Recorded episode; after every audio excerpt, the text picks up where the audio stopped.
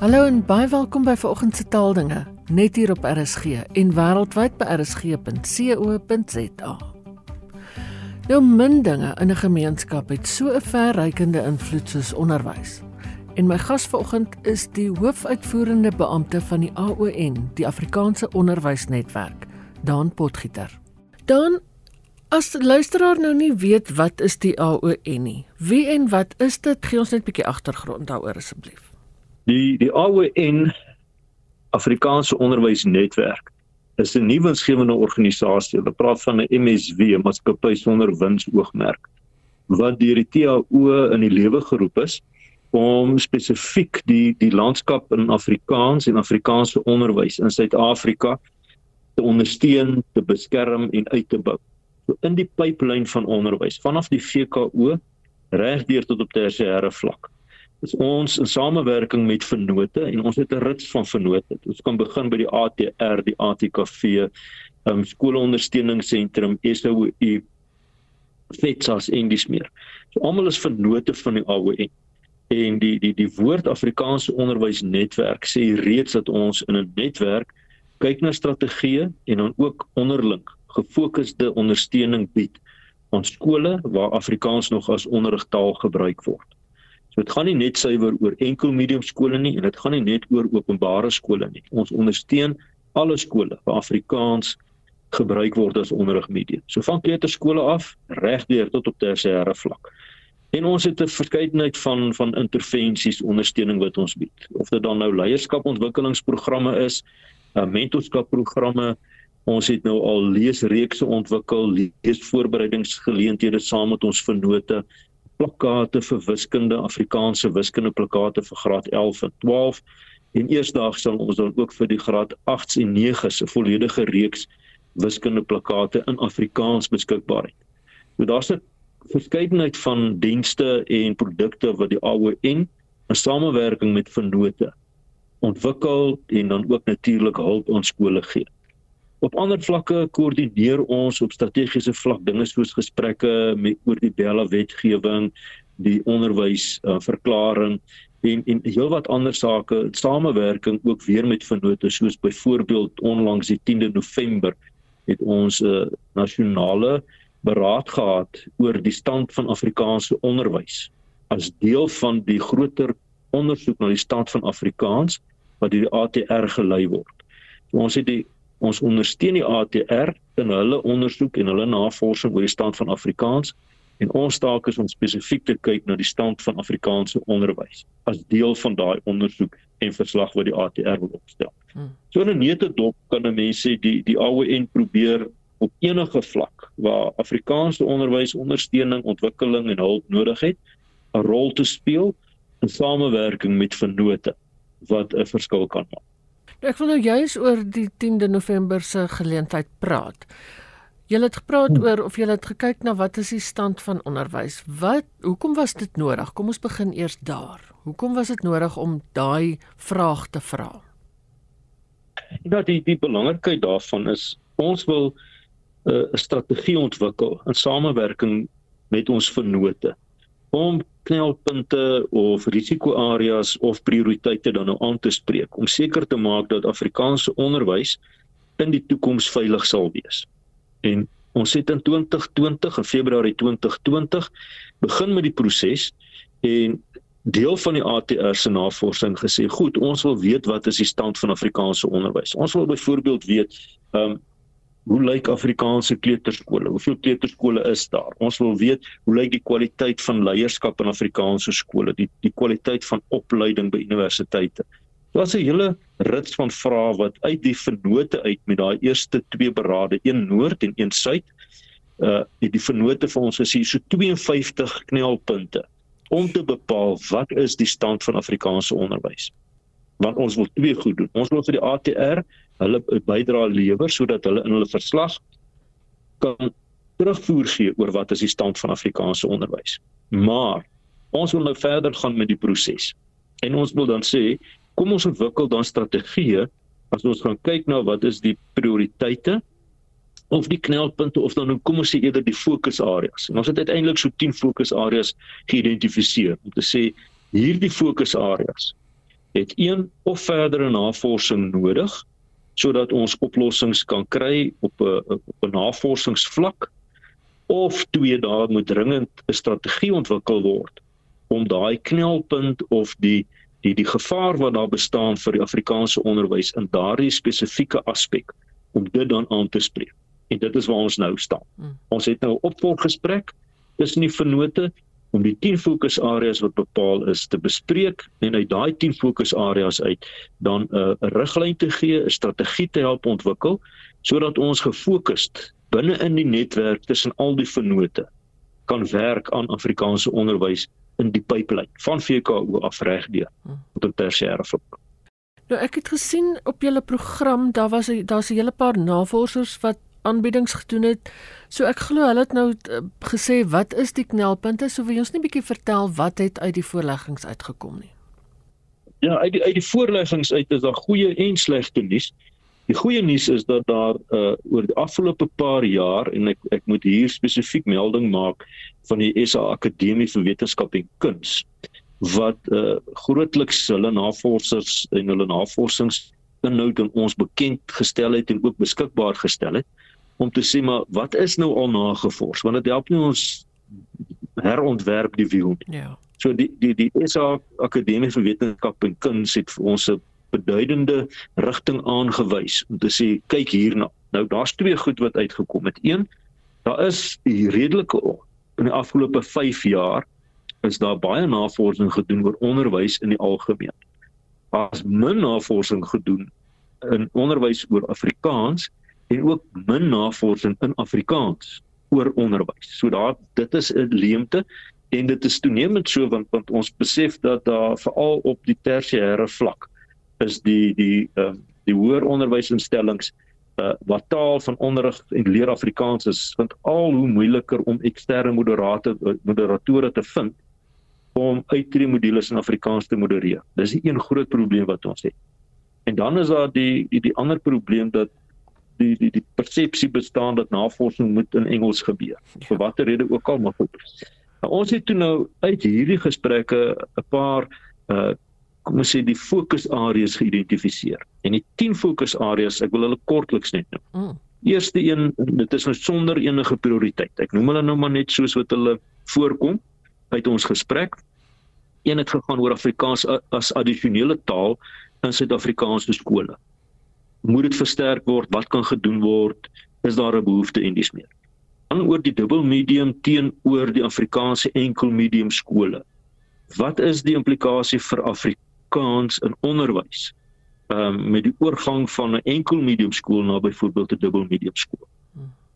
Die die ander ding wat by ons 'n groot knelpunt is is die aanbod en ook die situasie van die die voorskoolse onderwys in Afrikaans in Suid-Afrika.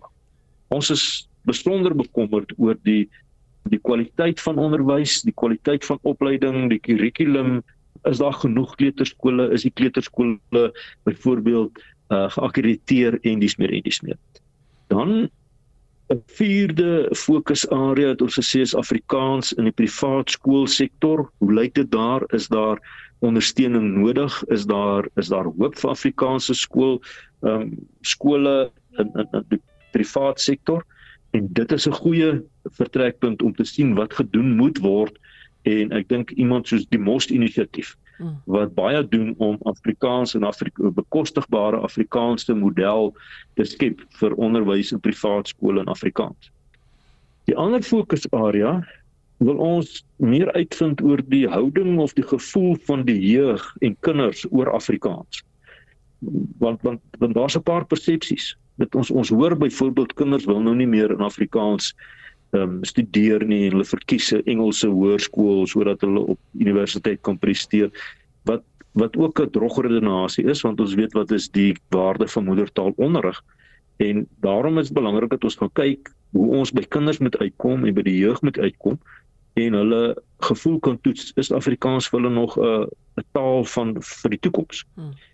Dan die die rol en gesindheid van van rolspelers in die onderwys as 'n sesde fokusarea.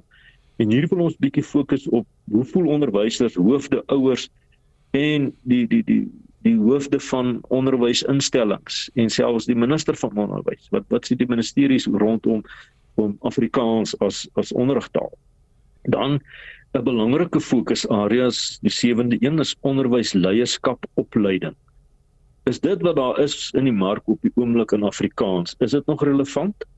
En een van die toetse wat wat wat ons deurgaans toepas is alle kennis, is dit toepaslik en kan dit toegepas word? Want dan help dit nie ek sit met 'n argumentonthaal onneusgraad in in onderwysbestuur.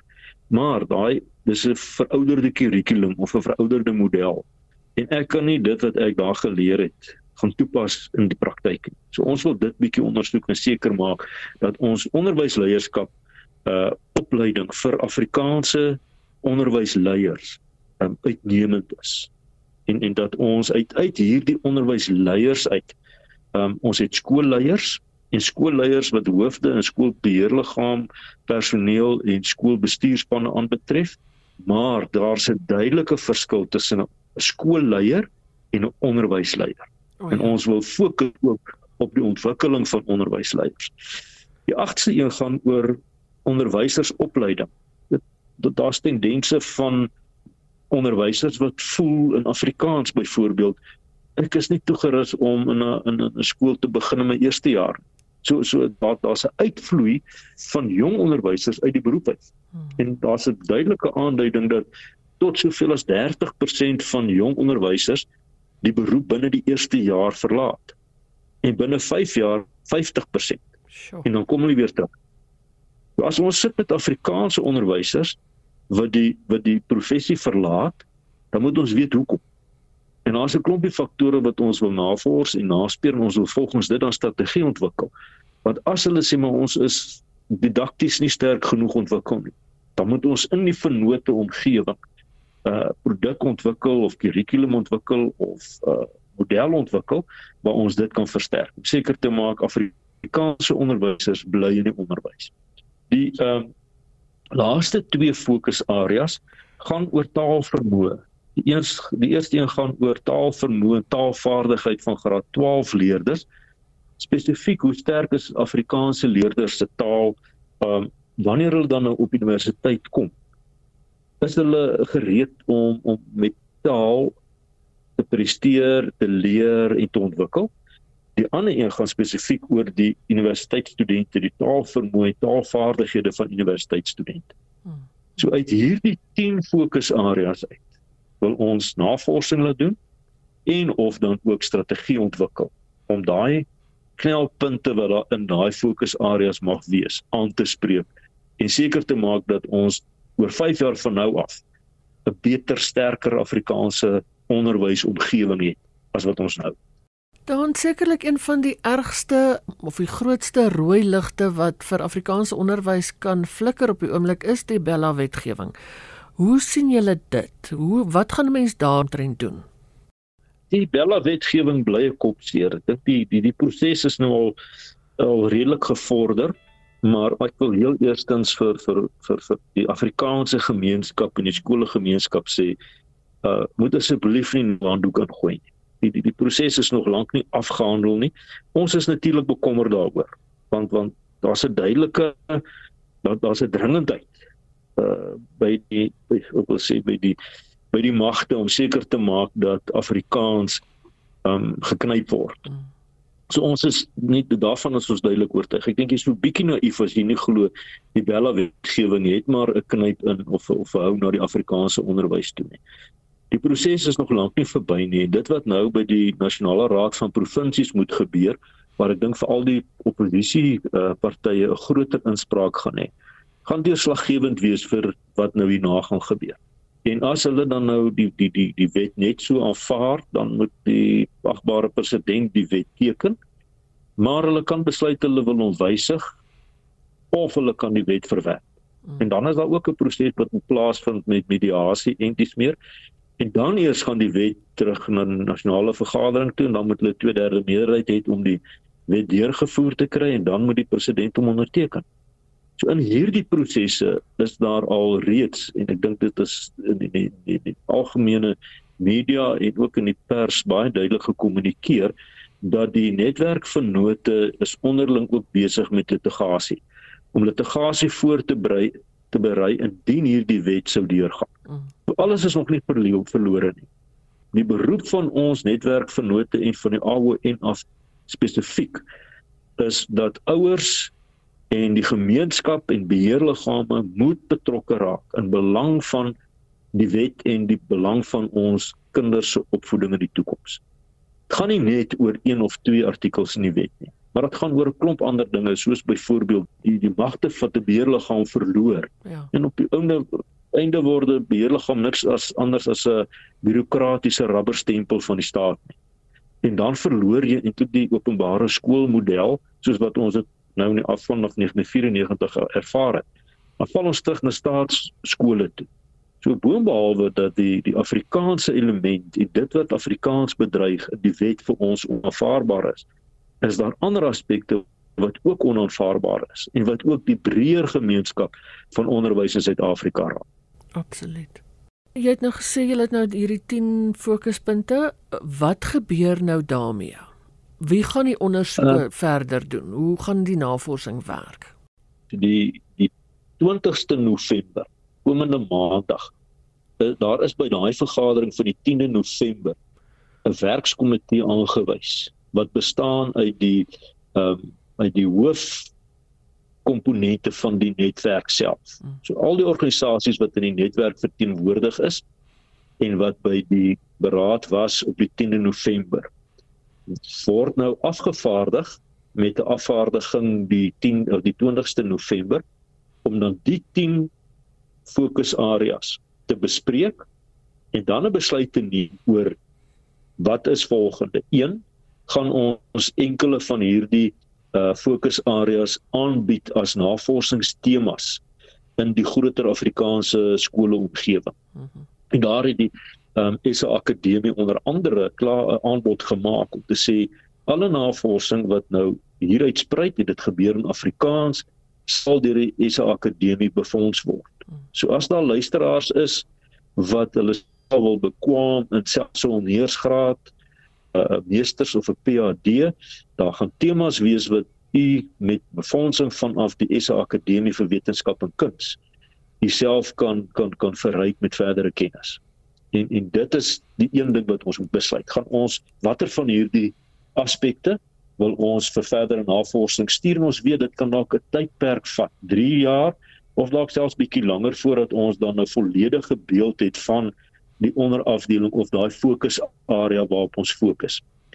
Dan moet hierdie werkskomitee ook sê, maar goed, as vennote identifiseer ons die kritiese aspekte wat eerste aandag moet geniet en dat ons dan reeds vanaf 2024 met 'n gefokusde um, strategie mekaar sal ondersteun om daardie geïdentifiseerde fokusarea dan te um, ontwikkel en met gestelde doelwitte om seker te maak dat ons die knelpunte in daai fokusarea aanspreek.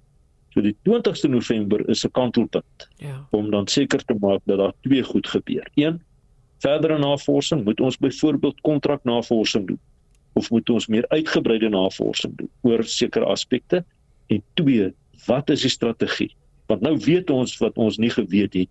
Ja, ja. En as ons dit nou wil wil aanspreek, dan moet ons weet wat is ons strategie vorentoe. Mm. Een van die goed wat jy genoem het is die kwessie van houding. Want houding is een van daai moeilike goed. As die hele wêreld sê ja, maar Engels is die taal van die toekoms en is die taal van die wêreld en so, hoe verander 'n mens houdings?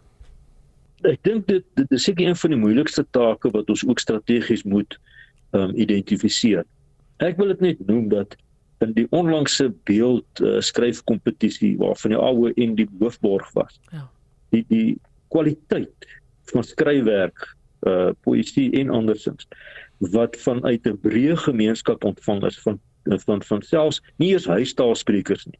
Tweede addisionele taalsprekers mm. en enkele derde addisionele taalsprekers wat ongelooflike werk gelewer het in Afrikaans. En dit is daar's vir my duidelike houding dan oor Afrikaans en die die verstaan dat Afrikaans is 'n taal waarin jy jy kan leef. Jy kan jy kan alles doen in Afrikaans. Ja. En en dat daar maar ook wat die houding van Afrikaans aan betref, sien ons 'n sekere ehm um, demografiese gebiede. Daar is 'n verandering oor die in die gesindheid oor Afrikaans. Daar is daar is natuurlik met die politieke bagasie wat ons van met Afrikaans het, is daar nog ouens wat vassteek by Afrikaans as die taal van die onderdrukker en ja, dis meer. Ja. Maar daar is ook beduidende um, verandering in ander gemeenskappe wat sê maar Afrikaans is 'n taal wat ek kan gebruik as 'n taal waarna ek myself ook kan uitdruk, maar dis ook 'n taal wat ek kan gebruik wanneer ek 'n werk wil hê, dis 'n taal wat ek kan gebruik wanneer ek wil handel. So daar's 'n 'n paar sterker punte van Afrikaans wat nie noodwendig van bo af um, geïdentifiseer is of gedryf word, maar vanuit voetsoevlak uit. Mense wat die waarde van Afrikaans begin besef. En dit is iets wat ons wil koester. Dis sê maar hoe kan ons dit versterk? En natuurlik ook ander aspekte van Afrikaans, die variëteite van Afrikaans. Ons sien toenemend dat daar uh die die, die variëteite van Afrikaans na vore tree. Mense wat sê maar ons moet kyk na die die onderwysstelsels om om leerders wat in 'n ander dialek of 'n ander variëteit van Afrikaans hulle self wil bevorder en en die die leerinhoude wil ontsluit dat ons hulle op 'n manier moet akkommodeer. Dit is die goed wat die houding van Afrikaans of houdings heens Afrikaans kan verander. Dit was die hoofuitvoerende beampte van die AON, Dan Potgieter. Jy kan weer na die en ander programme luister deur die potgooi af te laai by rsg.co.za. En ek hoor graag van jou. My e-posadres is ina@rsg.co.za. Dis groetheid en ek wens jou 'n heerlike dag toe in RSG se geselskap. Bly veilig, bly gesond en van my Ina Strydom groete tot 'n volgende keer.